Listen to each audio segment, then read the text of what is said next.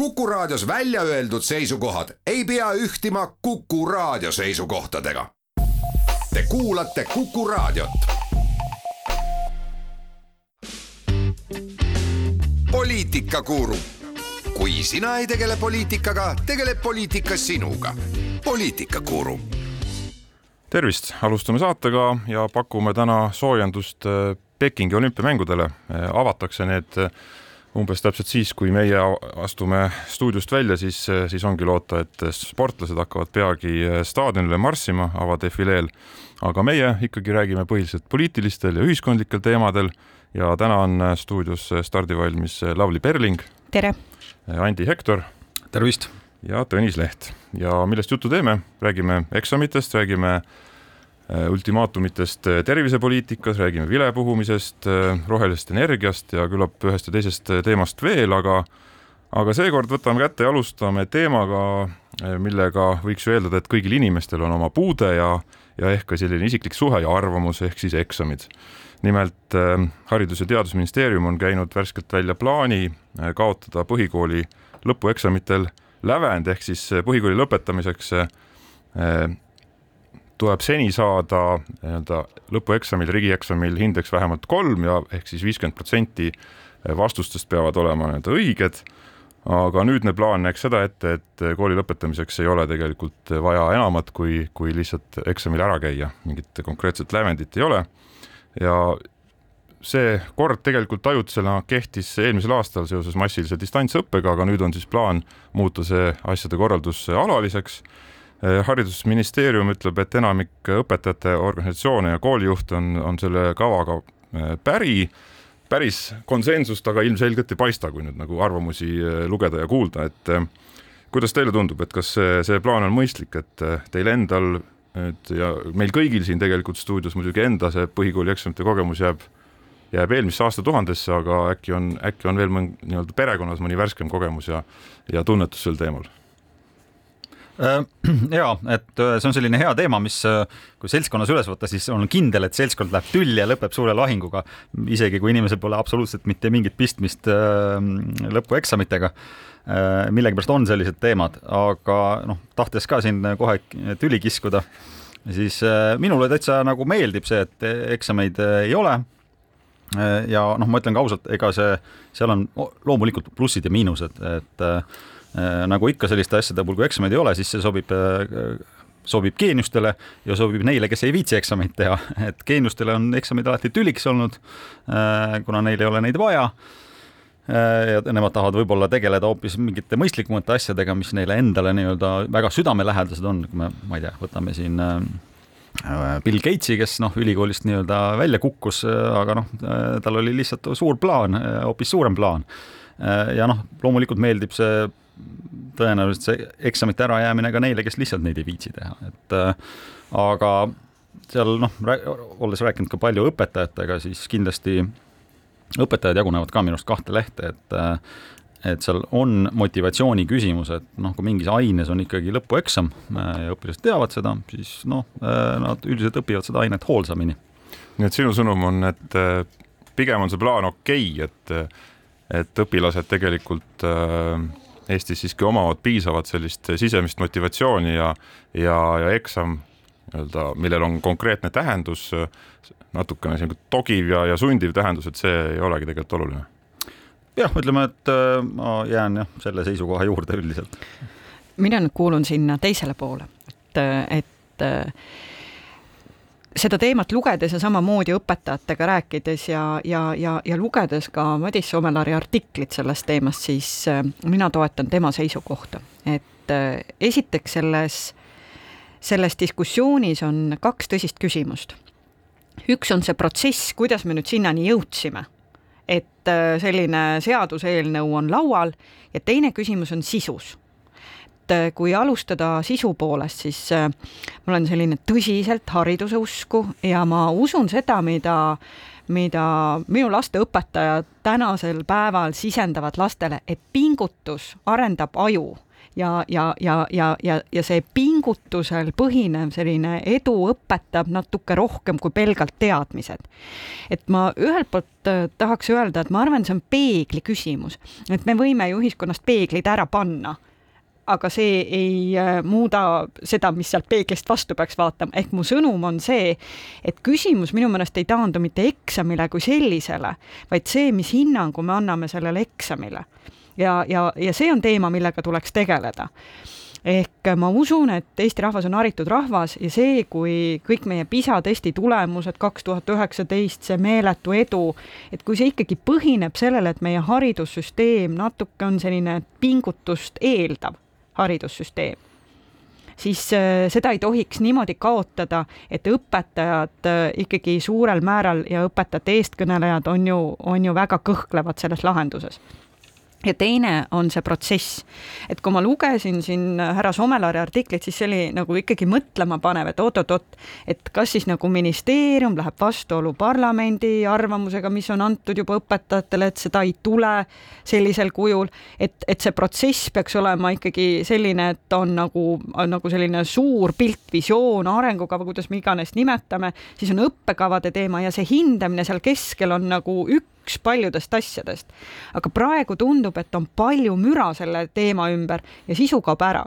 ja, ja viimase märkusena, mida ma tahan öelda, mis mulle kohe üldse ei meeldi, et kui me ütleme, et probleem on selles, et need järeleksamid, et neid võltsitakse siis kuidas me jõuame lahendusega selleni, et me saadame lastele või noh, noortele sõnumi, et okei okay,, tegelikult me ei eeldagi teist enam pingutust. ehk teema on õpetajate puudus, õpetajate nappus, kvaliteetsete õpetajate olemasolu, aga me justkui piltlikult öeldes jutumärkides hakkame karistama neid noori, kes peaksid saama hea hariduse. ja sellepärast ma nagu loodan, et see diskussioon ikkagi jõuab oma lahendusena selleni, et need, kes peavad otsuse vastu võtma, istuvad maha, lepivad kokku, mis on Eesti rahva hariduse seisukohalt kõige olulisem. jah, no õpetajad seal Madis Somelari juhtimisel, kes on kriitilisemad, on ka viidanud jah, et probleemi nähakse selles, et äh, riigieksam põhikooli lõpus tehakse ära ja kui see läheb halvasti, siis saab äh, koolis teha nii-öelda järeleksami, koolieksamina ja siis ikkagi põhikooli lõpetada, et ja need koolieksamite, nende kvaliteet on selline äh, kõikuv kooliti võib-olla, et mis on probleem, aga noh, siis, siis seda ei lahendata nüüd sedakaudu, et, et loodaks ka riiklike järeleksamite võimalus, vaid et, vaid et selle eksami tähendus kui selline devalveeritakse üldse, et siinkohal tuleb muidugi märkida, et päris ilma õppimata siiski vist põhikooli lõpetada ei saa, et et neid mitterahuldavaid või puudulikke hindeid ei tohi tunnistusel siiski üle, üle kahe vist olla, et, et midagi sa pead siiski sooritama, et põhikoolist läbi pääseda. aga kui me vaatame nagu seda eksamisüsteemi laiemalt, siis noh, meie süsteem on ju rajatud ikkagi ka gümnaasiumi lõpus riigieksamitel ja sealtkaudu siis kõrgkoolidesse pääsemisele, et et selles kontekstis on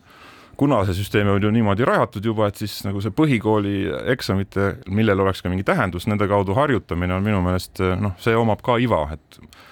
väga ammusest ajast, kui ma ise seda tegin, ma mäletan, et see põhikooli eksami roll ju tegelikult oligi äh, harjutus äh, siis gümnaasiumi lõpueksamiteks mingis mõttes nagu mõtlemise ettevalmistamine. iseasi on see, et, et ka gümnaasiumi lõpust on hästi meelde jäänud see, et eksamiteks õppimine, see tähendas, et kõik sisuliselt jäid muud teemad kõrvale ja sa fokusseerisidki kitsalt just sellele eksami sooritusele,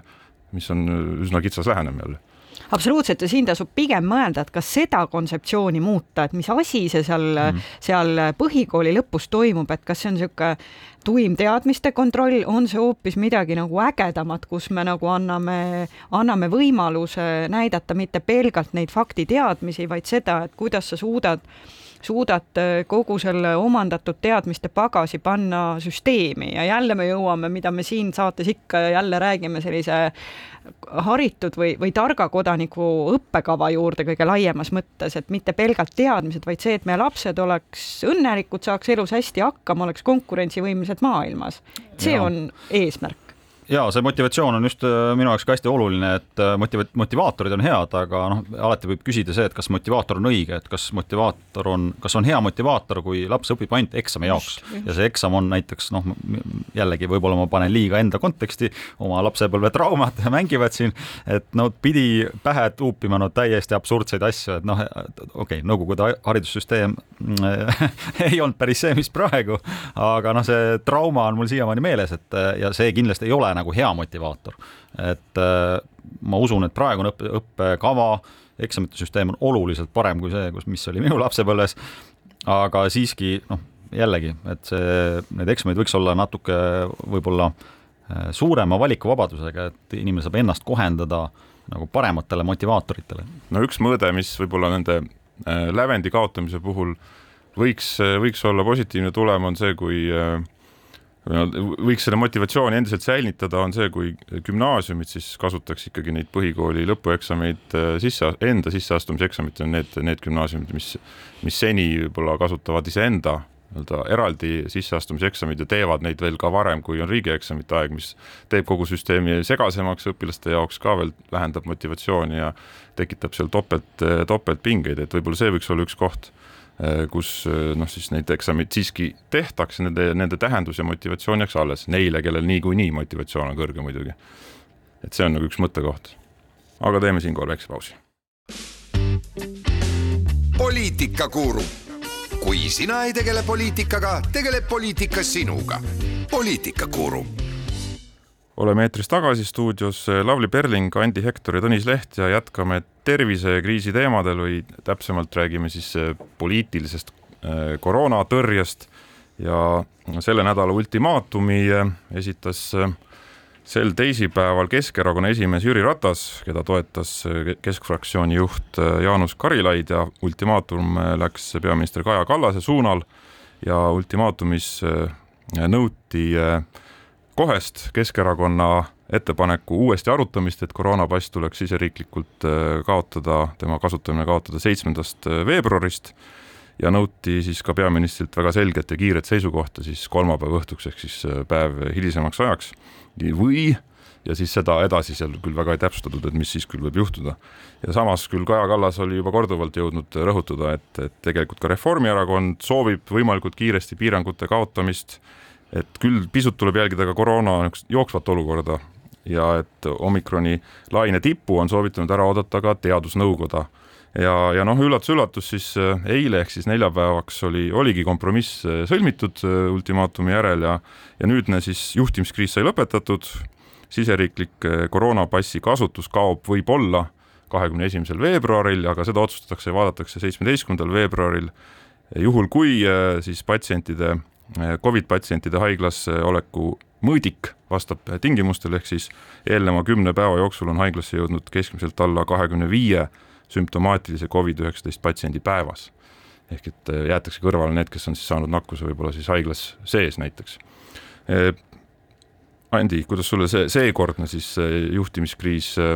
valitsuses ja, ja selle terviseteema ümber sobis? No hästi sobis, et lõbus oli, et äh, aga noh, seal äh, see oli pigem nagu noh, see oli nii läbilähtavalt selline PR äh, PR-ile suunatud nagu tegevus Keskerakonna poolt, et noh, see nagu ütleme nii, et natuke piinlik on vaadata ja noh, ja, ja see noh, mul paratamatult tuli meelde see võidujooks, mis toimus koroonapiirangute kehtestamisel, kuidas kui kõigepealt oli selline leebe suhtumine, et ah, mis, mis see ütlus oligi, villa, villased sokid ja hanerasv. Äh, ja siis läks vastupidi võistluseks, kes saab karmimad äh, piirangud kehtestada, nüüd me oleme tagasi selles olukorras, et kes saab enne need maha võtta. et no muidugi minul on ainult hea meel selles mõttes, et äh, ega need piirangud on noh, olles ikkagi reisinud üksjagu ja ma ütlen, et seal on väga palju sellist bürokraatiat, aga noh, samal ajal ega ei maksa ka nüüd noh, nõu tasub kuulata ja eriti teadlaste nõu, nii et ma arvan, et siin mina ei kiirustaks isiklikult, aga noh, seda, see on pigem nagu teater, mida me siin kõrvalt vaatame nõus, et ega see nüüd, nüüd me oleme siis seal etapis, kus me hakkame nägema, et kuidas me sellest kriisist väljume. ja, ja suhteliselt loogiline on see, et, et kriisist väljumine peab olema etapiviisiline ja, ja, ja selle kõrval mina ikkagi väga tahaks näha nüüd, et kus on nagu see pikk vaade, sellepärast et ma, ma siiski väga loodan, et see on kuskil olemas, et me ei avasta, et me tuleme välja, kaotame vaktsiinipassid, oleme kõik õnnelikud, aga et need päris teemad, kust algab nüüd see Eesti majanduse mõttes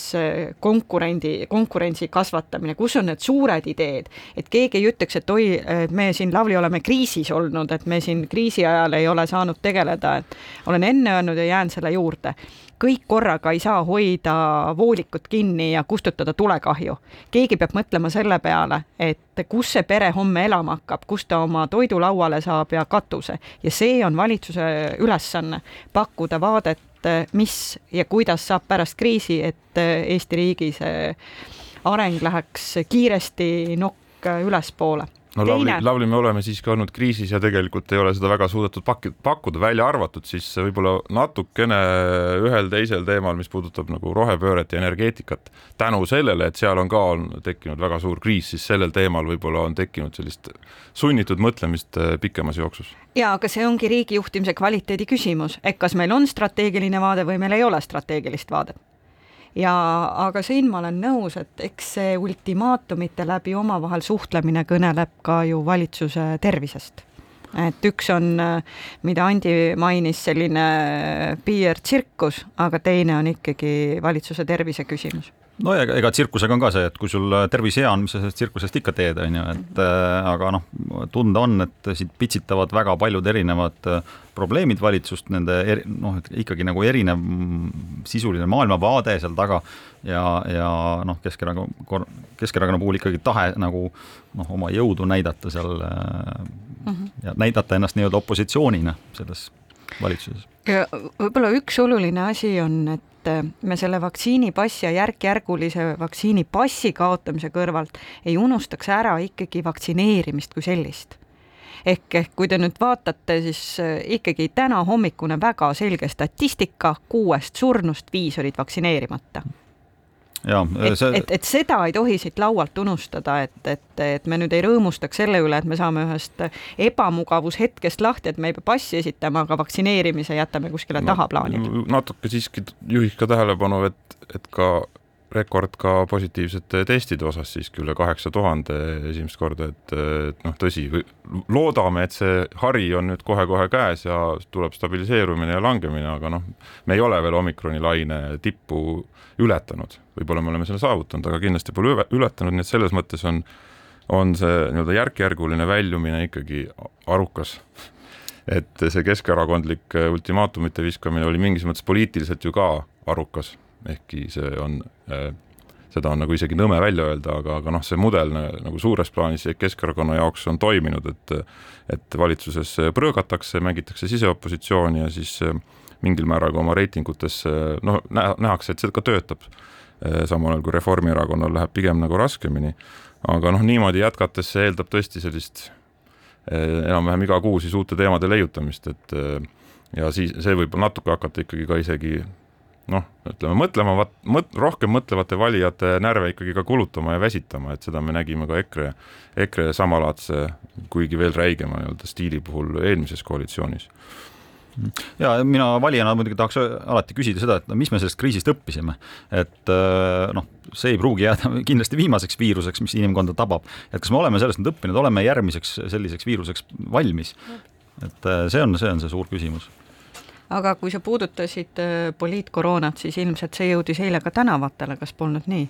no absoluutselt, et tegelikult on see ka noh, see võidujooks selle nimel, kes selle piirangute kaotamise ukse esimesena jalaga lahti lööb, et see on äh, läinud ju päris hoogsaks, et äh, Toompea siis Varro Vooglaiu veetud ja veel erinevate ühiskondlike jõudude veetud ja EKRE poolt ikkagi sisuliselt toetatud meeleavaldus on üks, üks see näide, et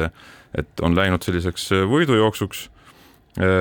võib-olla no ühesõnaga Reformierakonna ja Keskerakonna vahelises vägikaikaveos justkui saavutati kompromiss, mõlemad justkui tegid seda, mida, mida nad nagu lubasid, üks teeb kiiremini lahti, teine aitab rohkem nagu sellele kaasa, et ka mõeldakse seejuures, et eh, aga mulle tundub, et see mõõdik on küll selline, mis eh, on nagu vähemalt eh, Jüri Ratase Keskerakonna vaates nagu kahe teraga mõõk, et, et see mõõdik, see kakskümmend viis sümptomaatilist Covid patsienti kümne päeva kohta, et see väga suur võimalus on, et see ikkagi seitseteist, seitsmeteistkümnendal veebruaril ei, ei päde, ehk et tuleb võib-olla hakata esitama uusi ultimaatumeid, et mõõdikut muuta, et ikkagi saaks teha neid avamisi. ja tulles selle nüüd äh, meeleavalduse juurde, siis noh, see oli jällegi hea näide, kuidas see kolonn sõitis nii-öelda lahtisest uksest sisse, et ei olnud nagu millegi vastu enam. jõuti päev hiljem kohale. jõuti päev hiljem kohale ja rehvid olid suht tühjad ka, mul ühtegi rekkat vähemalt ma ei näinud seal, et äh, et noh, nii ta on, et et noh, see muidugi noh, ütleme nii, et alati on sellised liikumised ebameeldivad, kes ehitavad ennast noh, mis tahes probleemi, korjavad üles probleeme ja siis ainult vastandamise peale, et noh, see selles mõttes noh, võib-olla on hea näha, et Eesti ühiskonnas see ikkagi nii, nii suurt kandepinda ei, ei, ei leia. no jah, kuigi neid pilte vaadates, siis ja, ja, ja tulles oma elust seal, kus ma tulen ja uskudes õigusriiki ja uskudes ja, ja tõeliselt nagu lugu pidades korrakaitsjatest, siis, siis kui, kui, kui seda pilti vaadata, siis korraks oli ju valus, sellepärast et et kui mingid poliitilised jõud suhtuvad oma riigi korrakaitsjatesse selliselt ja aktsepteerivad sellist käitumist, siis ma nii väga tahaks uskuda, et, et valija peab seda meeles jah, äh, ja no. eks Jüri Ratase puhul on arusaadav, et ta tegelikult, tema lähenemine antud juhul, et kiiremini neid piiranguid maha võtta, tegelikult see lõikab neid äh, Elvis Brouereid ja, ja nende retoorikat äh, tugevalt läbi, et, et noh, seal oma argumentatsioon ja loogika täiesti on olemas, et kui me selle Covid passi nii-öelda laialdase kasutuse mida kiiremini me selle kaotame, seda kiiremini me seda konkreetset nii-öelda lõhestamisteemat ka, ka nii-öelda maha võtame, et et ja aga siin on kohe suur küsimus minu jaoks näiteks, et me võtame selle teema maha, aga noh, leitakse uus teema, et noh, et et see selline poliitiline suundumus on ülimalt ebameeldiv, kuidas korjatakse selliseid pingeid tekitavaid teemasid üles ja nende peale ehitatakse noh, teatud mõttes sellist liikumist üles, et noh, ma, ma tahaks loota, et Eestis on ikkagi piisavalt palju mõistust, et selline asi ei kesta väga. nojah, sellest sellisest populismi sellisest äh, tõusust me võime ju siin äh, lõputult rääkida, et me oleme taaskord siingi puudutanud, et, et kui siin no, me rääkisime e-, elektrist, energiaarvetest, siis on ju selge, et, et ega siis küllap nagu EKRE juhtide mõisate ja suvemajade elektriarved on makstud, samal ajal kui nad kutsuvad siis oma valijat üles mitte maksma. et nad ise on vaktsineeritud, aga nad kutsuvad inimesi mitte vaktsineerima. et mina siiralt usun, et ühel päeval ikkagi inimesed hakkavad neid valesid ja nende ärakasutamist läbi nägema ja see äkki toob ikkagi ka nagu selle muutuse, et poliitika, ma jään idealistiks, et poliitika on ühiskonnagruppide ühisosa leidmine ja, ja, ja, ja sellest tulenevalt Eesti jaoks õigete otsuste tegemine, mitte nagu selline kirvega lõhede löömine. Ma väga tahaks ka jagada seda optimismi või sellist idealistlikku vaadet, aga ma vist ei saa seda jagada, sellepärast et pigem on, on, oleme ikkagi süven-, süvenenult liikunud sinnapoole, et, et see poliitika on kujunenud järjest teatraalsemaks ja just nimelt selliste kirvega retooriliste ja ka sisuliste lõhede väljaraiumiseks ja, ja, ja tundub, et noh, mitmed poliitilised jõud ja, ja nende juhtivad poliitikud ka näevad ja tunnetavad, et just nimelt selline stiil ja selline meetod töötab. et see on ikkagi viimasel paaril aastal veel järsult süvenenud, et ma ei oska täpselt öelda, mis see, mis on see vahend, mis seda, hakkaks seda trendi tagasi pöörama inimesed peavad, äh, kelle, keda see häirib, poliitikasse minema või tulema? jah, äh, see on kindlasti üks koht muide, et, äh, et me näeme noh, ikkagi seda, et pigem nagu on väljavool poliitikast nii-öelda ja, ja noh, eks ükski ühiskonnas ükski süsteem ei salli vaakumit, et sinna tuleb alati keegi asemele, et noh, siin, siin on vaja väga sügavalt ka Eestis mõelda, et kuidas, kuidas anda nii-öelda poliitikas äh, uutele inimestele kohta, et äh, seal on erinevad, me siin tihti räägitakse Riigikogu äh, nii-öelda palgast ja töö, töötasust, aga noh, võib-olla see on siis liiga väike, me peame selle peale mõtlema. no vot, kuhu me jõudsime siis äh, tervisekriisi arutamisega, aga teeme siinkohal väikse pausi. poliitikakuru, kui sina ei tegele poliitikaga, tegeleb poliitika sinuga. poliitikakuru oleme eetris tagasi stuudios Andi Hektor, Lavly Perling ja Tõnis Leht ja nüüd võtame rääkida ühe seaduseelnõu, mis puudutab äh, vilepuhumist või, või nimetatud on teda ka lokulöömise eelnõuks, niisugused toredad eestikeelsed sõnad mõlemad. ehk siis äh, sel ja eelmisel nädalal on, on, on see üks äh, võiks öelda üsnagi väärtuspõhiseid kirgi kütnud eelnõu olnud arutluse all Riigikogus ja see lähtub Euroopa Liidu direktiivist mis tuleb Eesti õigusesse ühel või teisel kombel üle võtta ja tegemist on siis rikkumisest teavitaja kaitse seaduseelnõuga. Eh, selline keeruline nimi võib-olla natuke, aga, aga sisult on ta siis eh, õiguslike muudatustega, mille eesmärk on kaitsta siis vilepuhujaid või, või nii-öelda lokulööjaid ja, ja julgustada neid seeläbi siis tead-, teavitama just just oma tööalases elus märgatud näiteks korruptsioonijuhtumite kohta või kui on kuskil firmas on räigeid tööohutuse rikkumisi või on kuskil keskkonna kahjustamise, kahjustamise juhtumid, et siis nendest anda teada ja noh, siin on eri võimalusi, et kas siis teatada seda oma organisatsiooni sees riigiasutustele, kes peaksid neid asju äh, uurima ja nendega tegelema või siis vajadusel ka avalikkusele läbi meedia näiteks. ja, ja see eelnõu peaks äh, sellele kaasa aitama. aga ühtlasi on, on muidugi ka seda tabanud äh, taaskord selline mingis mõttes retooriliste kirvestega vehkimine ja, ja seda eelnõud on EKRE ja ka Isamaa juhtkujude Reinsalu Seedri poolt kuulutatud ikkagi vaata et poolsaatanlikuks ja ja väga sobimatuks ettevõtmiseks, mis, mis toob meil kaasa pealekaebamisühiskonna, et Lavly, kuidas sina hindad seda, et ka sinu, sinu erakonna mõned juhtliikmed on siin pehmelt öeldes värvikalt sõna võtnud? Õnneks on Raivo Aeg, kes on olnud justiitsminister ja, ja, ja olnud ju selle direktiivi ülevõtmise protsessi juures olnud sirge seljaga mees ja, ja kinnitanud omal ajal, et iseenesest idee kaitsta vilepuhujaid on õige ja julgeb seda kinnitada ka tänasel päeval, kui ta ei ole justiitsminister. nii et arvamusi on erinevaid. nüüd taaskord palju asju koos esimene küsimus, kas äh, neid inimesi, kes teavitavad õigusrikkumisest, tuleb kaitsta? minu kiire vastus on jaa see on väga õige. eriti, kui te loete seda direktiivi, see räägib ju hankemenetlustest, korruptsioonist ja korruptsioon on vaieldamatult majandusküsimus korruptsioon kahjustab majandust ja, ja, ja loomulikult tuleb neid inimesi, kes korruptsioonist teavitavad, kaitsta. ja seda tuleb ennekõike protsessina ühiskonnas normaliseerida. ma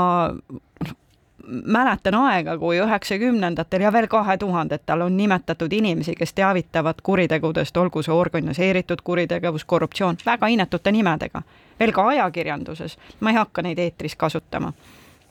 Ja ma olen sellesse suhtunud alati taunivalt nüüd äh, järgmine küsimus on äh, selles eelnõus endas, kui sa loed eelnõu teksti, eesmärk eelnõul väga õilis, et Euroopa riikide vahel ühtlustada seda süsteemi ja nii edasi ja nii edasi.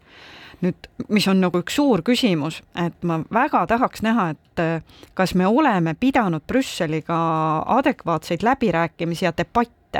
ehk, ehk see meenutas mulle natuke meie nii-öelda vihakõne eelnõud, et mis mulle kunagi ei ole meeldinud, et me võtame ühe direktiivi automaatselt üle ja hakkame teda paigutama sellesse meie õigusruumi. et kõik see viiskümmend, no viiskümmend töötajat ettevõtte mõttes Prantsusmaal, Saksamaal, Eestis on ju, no kõik saame aru, et, et see on natukene selline kirvega löömine. ehk rätsepatööd Brüsselis saab tellida siis, kui sa pead debatti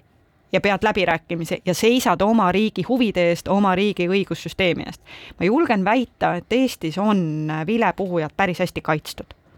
ehk see suur küsimärk, mis minul siin on, on esiteks, ma ei tea, kust see hüsteeria tuleb, seda tõesti tuleb küsida eh, need, kes hüsteeriat on tekitanud, et hüsteeriaks ei ole põhjust. küll aga ma möönan, et selles seaduseelnõus, mis on seaduseelnõus, on küsimusi, et kas seda bürokraatlikku ja halduskoormust suurendavat et bürokraatiat ikka on vaja või ei ole vaja. seal oleks võinud mu meelest läbirääkimised olla Eesti jaoks äh, sellised äh, tulemuslikumad. jah, no seda sinu mainitud hüsteeriat on siis üsna värvikalt äh, esile kutsunud no näiteks Mart Helme, kes ütles selle eelnõu kohta, et see eelnõu täidab stali-, stalinistlikke unistusi, see on kuritegelik. ja Urmas Reinsalu ütles, see toob Orwelli stiilis totaalse pealekaebamissüsteemi ja no toredad niisugused värvikad tsitaadid, aga miks ma neid välja toon, on just selleks, et rõhutada, et, et omal ajal, kui see nii-öelda direktiiv üldse Euroopa Liidus algatati arutati, siis kaks tuhat kaheksateist, siis oli justiitsminister Urmas Reinsalu, läbirääkimised toimusid, Eesti positsioonid olid, nõustuti lõpuks selle tulemiga, minister oli siis, kes lõpuks siis Euroopa Liidu Nõukogus selle poolt hääletas, oli Raivo Aeg, eks ole, mitu valitsust on sellega tegelenud, see Eesti-sisene eelnõu algatati eelmise valitsuse ajal, kui minister selles oli ka Mart Helme eh, ja, ja Martin Helme, ehk et see kõik on noh, toimunud nendesamade suurte kriitikute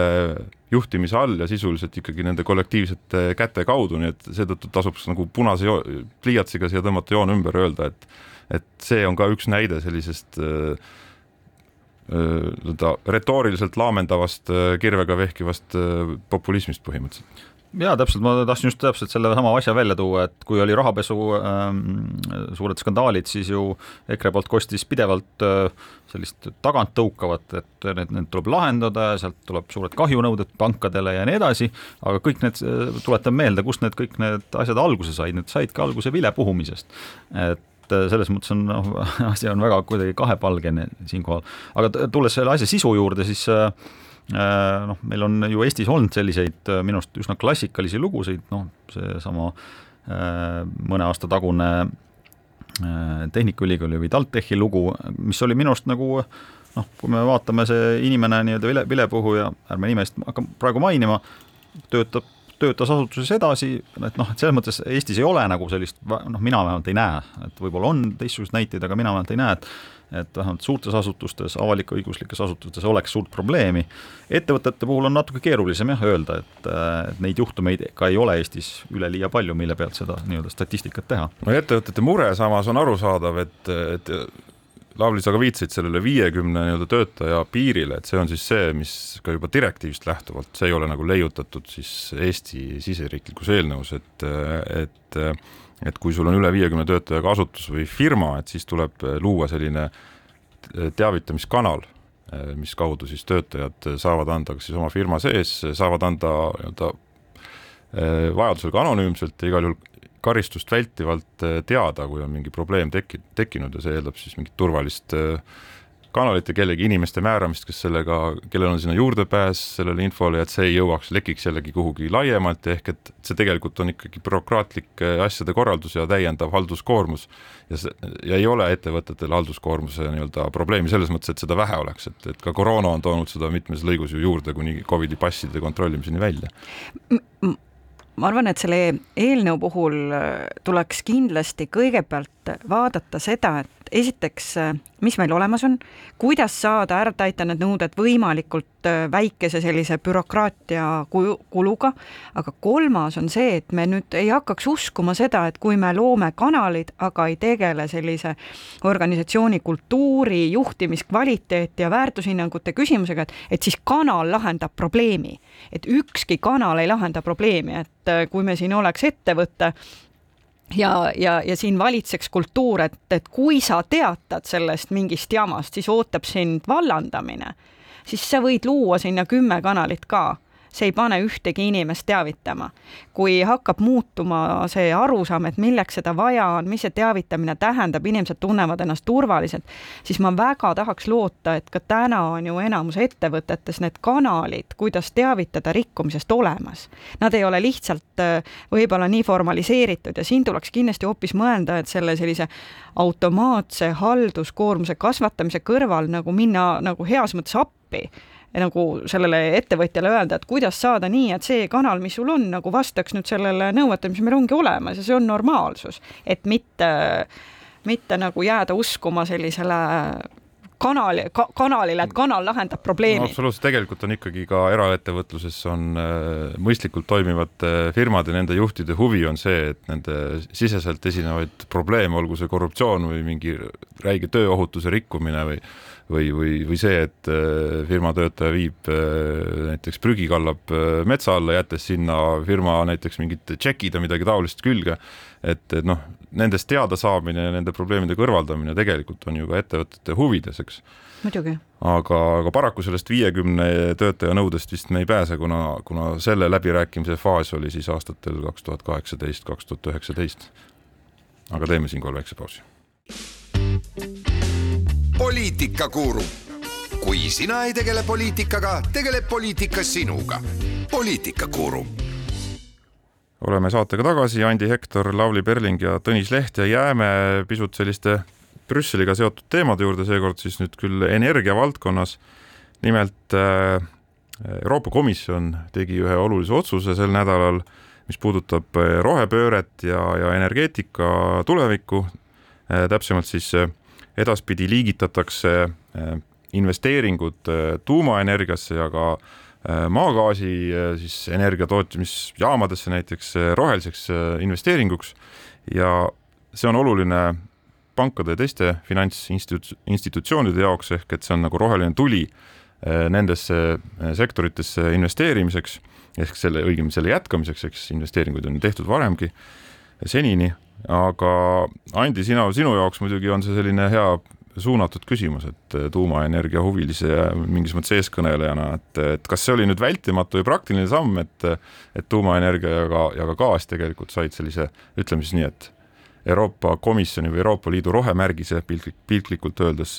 või, või siin on tegemist ikkagi otsapidi ka rohepesuga, sest et noh, maagaas ikkagi ei ole ju päris roheenergia ja tuumaenergia osas on kah erinevaid arvamusi ja no juba see, et tuumaenergia ja maagaas pandi kokku ühte, ühte asja, äh, siis see näitab seda, et noh, tegemist oli tõenäoliselt kompromissiga, kus ühel pool oli Prantsusmaa, kus on valdav tuuma, tuumaelektri tootmine, ligi kolmveerand elektrist, ja teiselt poolt siis äh, Saksamaa, kus on, kes on hädas oma nii-öelda väga kõikuva energiasüsteemiga, mis, kus on väga palju äh, tuuleenergiat ja päikseenergiat, aga mis kipub kõikuma kahjuks meie kliimas ja noh, seda on vaja stabiliseerida maagaasiga, et et äh, ja noh, see tõenäoliselt ongi siis see kompromiss. ja noh, ma kohe ütlen siia juurde, et ega see nüüd tuumaenergia magas ei ole, nad on tähtajaliselt nii-öelda roheliseks kuulutatud. ma peast ütlen siis, maagaas vist oli aastani kolmkümmend viis ja, ja tuumaenergia nelikümmend viis. no muidugi, tundes poliitikat, need võivad muutuda, aga noh, minul selle tuumaenergia poole pealt on nagu hea meel, äh, arvates, et ilma selleta meie kliimas me ei saa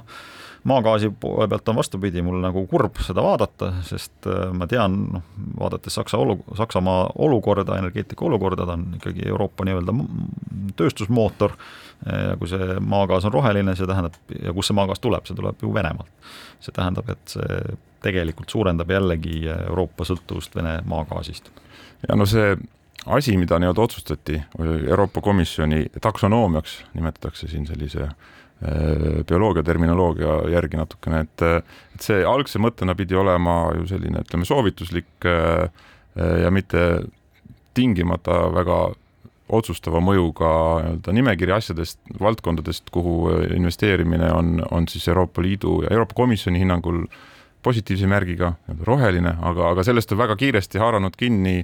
tegelikult suuresti ka omal initsiatiivil äh, finants institutsioonide maailm, ehk et ka nende jaoks on ju selles rohepöörde maailmas on väga oluline, et, et nende portfellile saaks sellise ametliku rohekleebise juurde panna, et nad siis saaksid ka oma investoritele ja, ja osanikele näidata, et meil on kõik, kõik on koššer või kõik on hästi. ehk et see on muutunud väga oluliseks teemaks, mille üle tõesti ka liikmesriigid väga teravalt piike murdsid, aga kui nagu hinnangut anda, siis, siis vaadates ka seda, mis meil sel talvel on toimunud, siis noh, paraku vist on ka see maagaasi lisamine sinna ühelt poolt nii selle Euroopa poliitilise, liikmesriikide omavahelise poliitilise mängude tasakaalu tõttu vältimatu ja teiselt poolt ka see, seetõttu, et et ka ilma maagaasita me siiski, ilma selle sektori arendamiseta ja hoidmiseta me siiski rohepööret teha ei suuda ja pirnid põlema ei jää jaa, see on, see on tõsi, tõsi, et äh, ülemineku noh, ka ma ütleks, et ka põlevkivi on väga halb, aga ülemineku vahendina on ta ikkagi noh. kivisüsi ja põlevkivi sinna ei mahtunud? jah, sinna need ei mahtunud, aga noh, maagaas mahtus, aga noh, maagaasiga ma kohe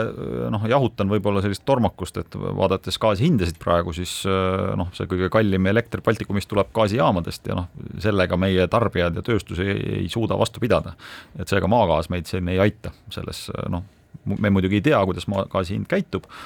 aga seega selle roheliseks värvimine vähemalt siin Eesti kontekstis äh, meid ei aita, nii et me peame ikkagi noh,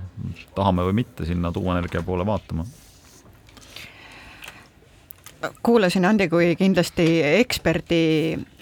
väiteid teema kohta ja tunnistan, et kõrvalt vaadates ja, ja, ja, ja esimene mõte, mis minul tuli, oli täpselt seesama hoopis julgeoleku kontekstist maagaasi lisamine sinna ja kogu see Venemaaga seos. et mida see tähendab, et mida see tähendab tänases maailmas, kui me vaatame, mis toimub Ukrainas, kui me vaatame, mis toimub äh,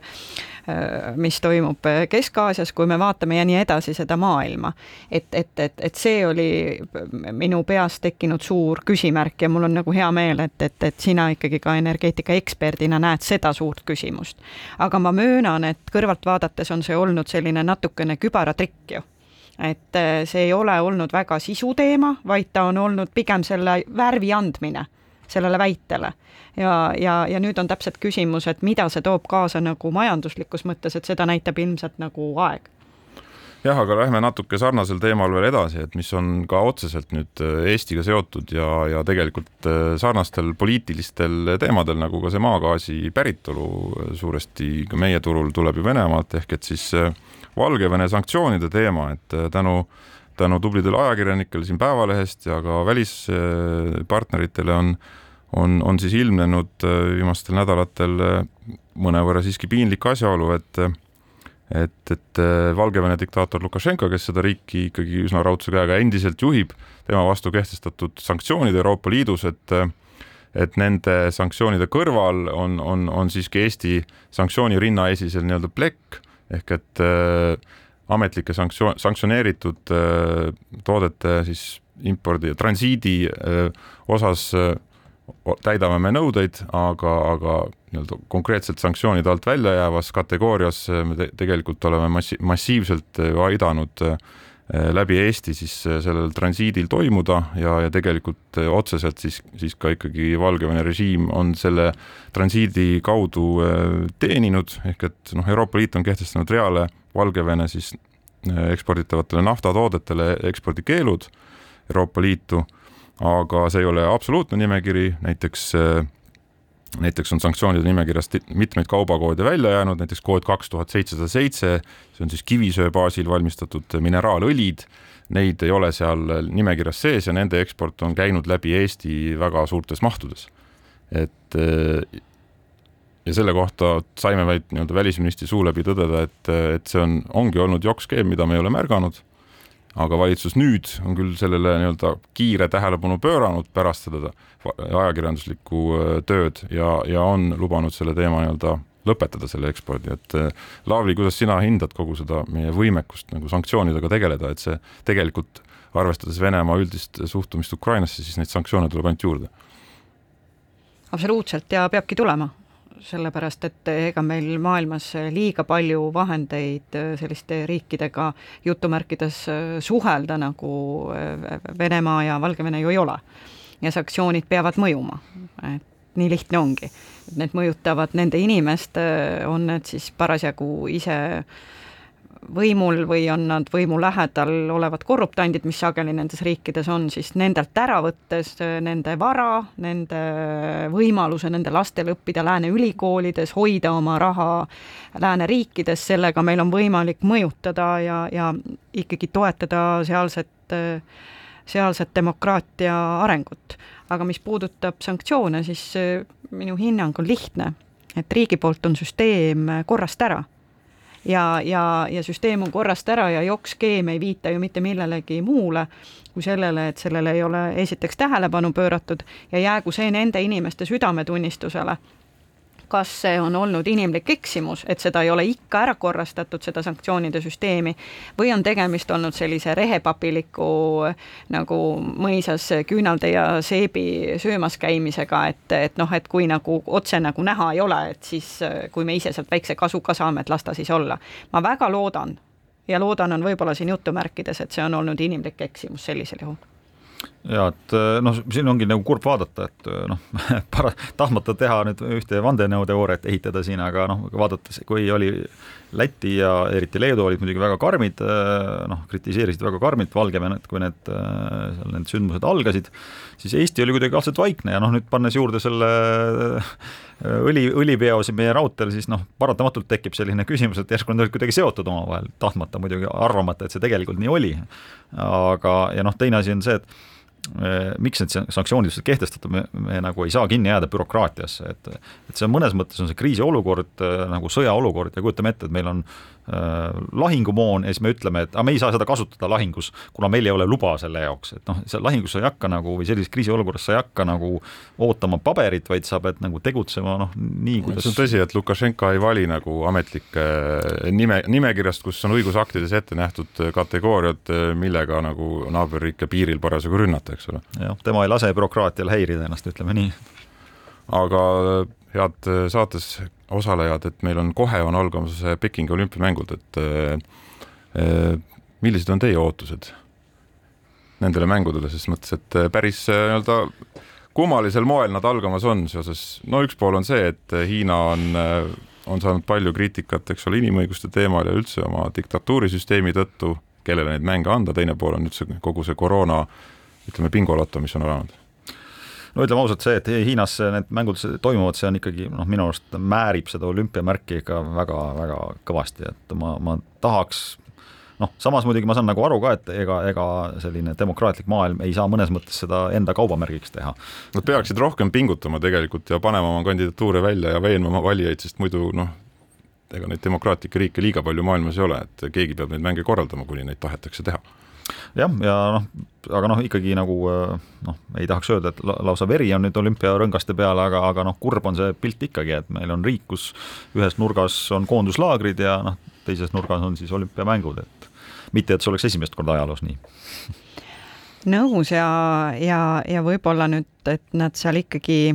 toimuvad Hiinas, paneb Eestit mõtlema ka selle peale, et kuidas me üldse Hiinasse suhtume. ehk see Hiina tuleb meile koju kätte ja et me ikkagi julgeks väga selgelt võtta positsiooni, et see, mis Hiinas toimub, on väär ja vale ja me ei aktsepteeri seda. see on õige soovitus, aga ma loodan, et meie sportlased ja spordiametnikud ei kuule. lõpetada just. sellega, et öelda, et minu meelest me jõuame saate alguseni tagasi, kus me rääkisime eksamitest ja pingutusest ja mina nagu tahaks hoopis äh, loota seda, et need meie sportlased, kes on pingutanud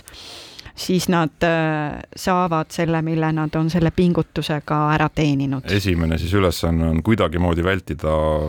koroona positiivset testi, loodame, et, et see ei taba tõesti liiga paljusid, et, et mingi sportlik element siiski nendele mängudele jääb alles, aga püsigem siis kõik terved ja kohtume taas järgmisel nädalal. poliitikakuru, kui sina ei tegele poliitikaga, tegeleb poliitika sinuga. poliitikakuru